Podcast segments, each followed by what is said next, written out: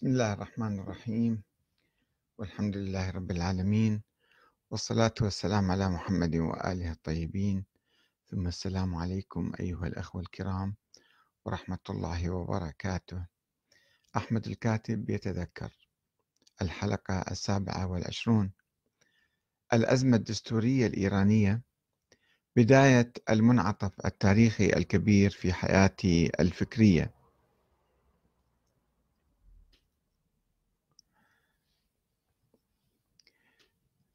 كانت تجربة الحكم في الجمهورية الإسلامية الإيرانية تشكل بالنسبة لنا نحن الشيعة العراقيين آه، نموذجا صالحا ومثاليا نسعى لتطبيقه في العراق. وكنا في منظمة العمل الإسلامي أو الحركة الأم الحركة المرجعية الرسالية. أقرب ما نكون إلى نظرية ولاية الفقيه التي قام على أساسها النظام الإيراني. حيث كنا ندعو إلى نفس النظرية في العراق منذ الستينات. ولكن النظرية نظرية ولاية الفقيه لم تكن واضحة لدى الجميع بالتفصيل ومنذ البداية. لا عندنا ولا عند الإمام الخميني والإيرانيين.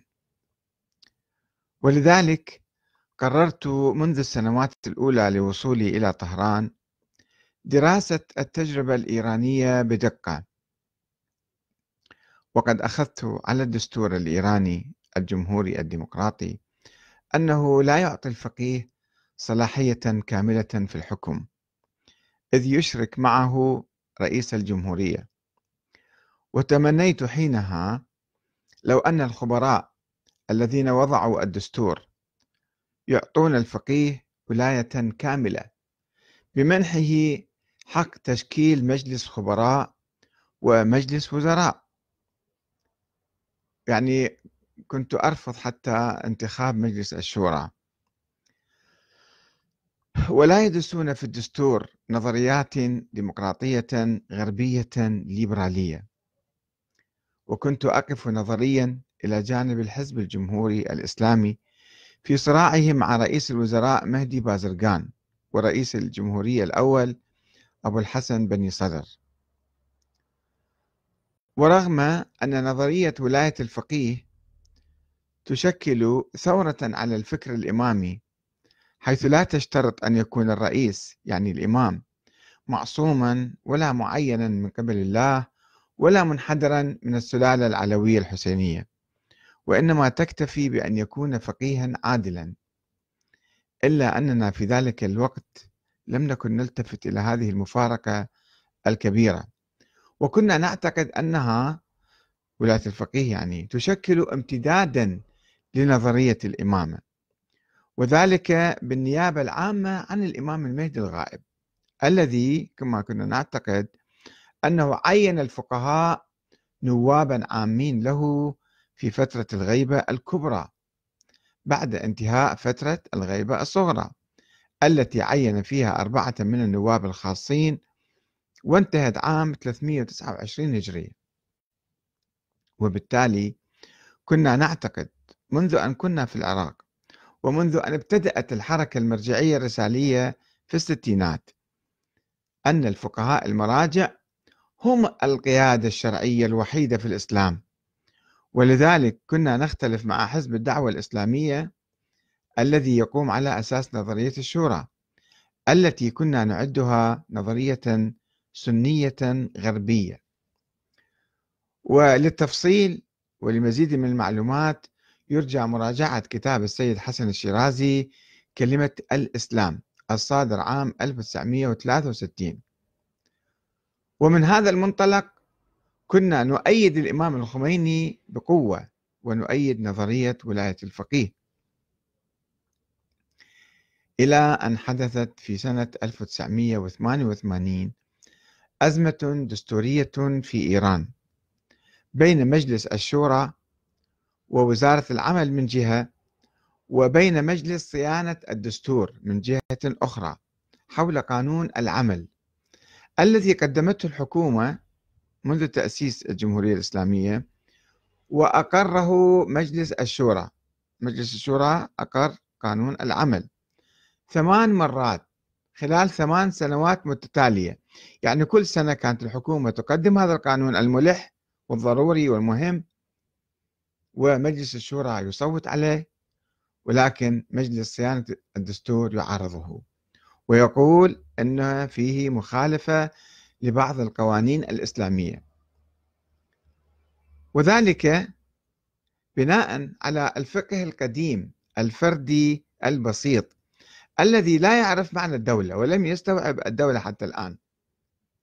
والذي يؤمن بأن العقد من شروط المتعاقدين أو المتعاقدين يعني بين العامل وبين رب العمل. لماذا تتدخل الدولة فتضع شروطا إضافية. ما هو دورها؟ من أعطى هذا الحق؟ هذا الفقه القديم لا يدرك التطور الاجتماعي الهائل وقيام الدولة وضرورة تدخل الدولة في حماية العملاء العمال الفقراء أمام الرأسماليين الجشعين الذين قد يفرضون شروطا مجحفة بحق العمال ولا يعطوهم حقوقهم كاملة. سواء من حيث الأجور أو من حيث ساعات العمل أو التأمين على الحوادث وما شابه. وكل هذا لا يوجد في الفقه القديم الفردي الذي لم يكن يدور حول الدولة. بينما يتوجب على الحكومة أن تضمنه تضمن يعني هذه الحقوق وتتدخل بين المتعاقدين أو المتعاقدين يعني العامل ورب العمل.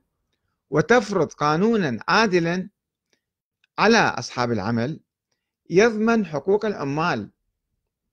وقد أقر ذلك القانون مجلس الشورى الإيراني ولكن مجلس صيانة الدستور المكون من فقهاء كبار في السن لم يكونوا يدركون التطورات الاجتماعية والقانونية جيدا يعني متحجرين كانوا فكانوا يرفضون الإصلاحات القانونية الحديثة.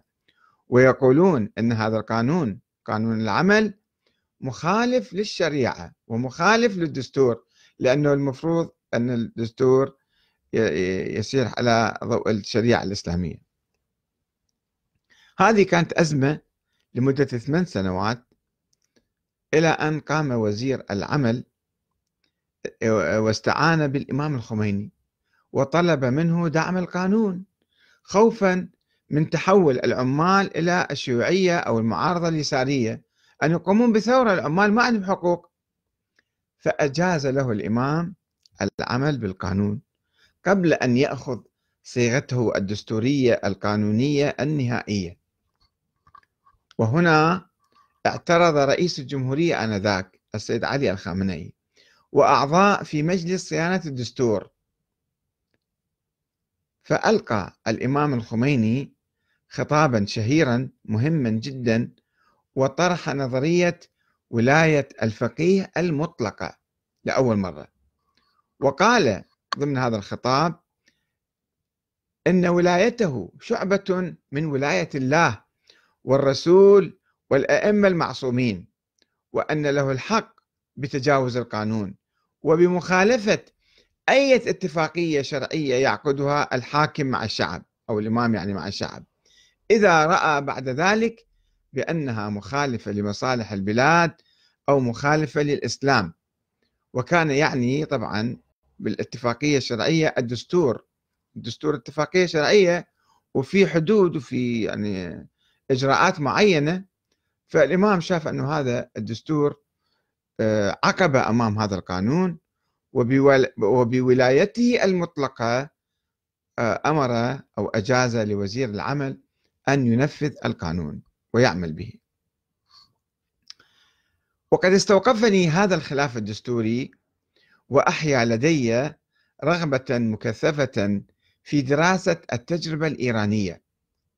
فقررت القيام بدراسة اجتهادية دقيقة لموضوع ولاية الفقيه من مصادرها الأصولية والفقهية القديمة. لأرى هل من حق الإمام تجاوز الدستور والاتفاقيات الشرعية؟ وهل له ولاية مطلقة أم لا؟ يعني هذه النقطة أثارتني جدا وركزت عليها وقررت أن أبحثها حتى أصل بنتيجة نتيجة معينة. واشتغلت سنة كاملة على هذا الموضوع وقد ساعدني فيه المرجع السيد صادق الشيرازي حفظه الله الذي وفر لي بعض المصادر الخطية النادرة. عندما طرحت عليه رغبتي في هذا الموضوع بحث هذا الموضوع فأعطاني كتب يعني مخطوطة حتى. ودرست الموضوع أو درست الموضوع في مئة محاضرة في حوزة القائم. واعتمدت في التدريس على كتاب الإجتهاد والتقليد المعروف كل الفقهاء يعني كل آه هذا يبحثون. أول ما يبحثون الاجتهاد والتقليد آه على ضوء آه آراء مختلف العلماء السابقين واللاحقين. كنت ألاحظ يعني آه، كل واحد يعني ماذا يرى في كل مسألة مسألة. وحصلت لي بعض الملاحظات البسيطة التي اختلفت فيها مع الإمام الخميني. ووصلت إلى مفترق طريقين. أحدهما يؤدي إلى الولاية المطلقة المتعالية على الشعب والدستور فيما إذا كانت مشروعية الإمام تأتي من النيابة العامة عن الإمام المهدي أي بالجعل والنصب والتعيين كما يقولون. والطريق الآخر يؤدي إلى الولاية المقيدة المحدودة في الدستور ضمن الدستور فيما إذا كانت مشروعية الإمام نابعة من الشعب والعقد والاتفاق معه والدستور يعني من خلال الدستور.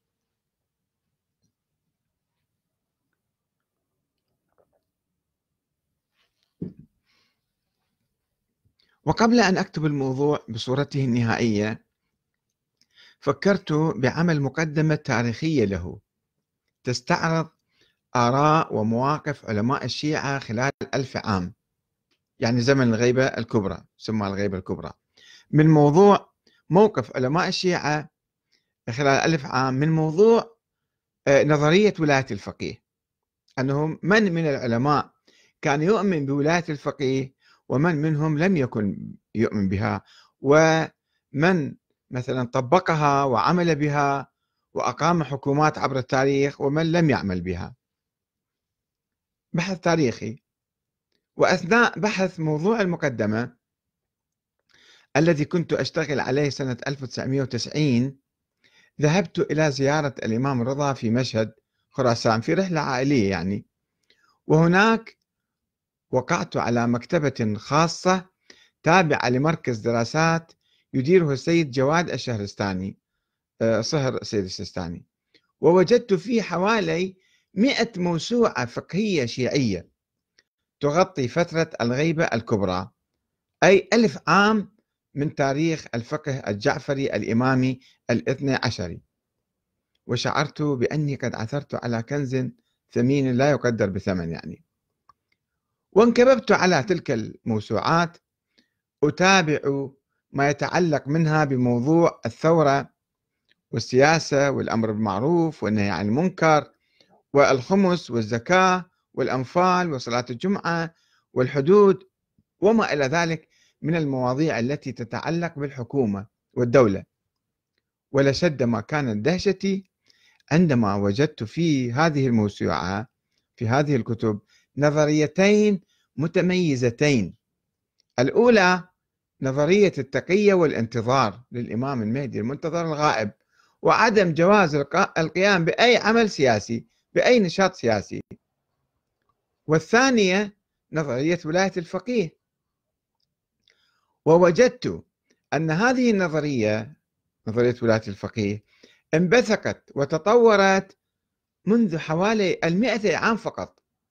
على أساس فرضية نيابة الفقهاء عن الإمام المهدي التي ولدت هذه الفرضية كجنين صغير في ظل غيبة الإمام ثم تطورت وتطورت إلى أن أصبحت تشمل قضايا سياسية قريبة من مهام الدولة قريبة كإعطاء الفقهاء الإجازة للملوك الإيرانيين الصفويين والقاجاريين للحكم نيابة عنهم.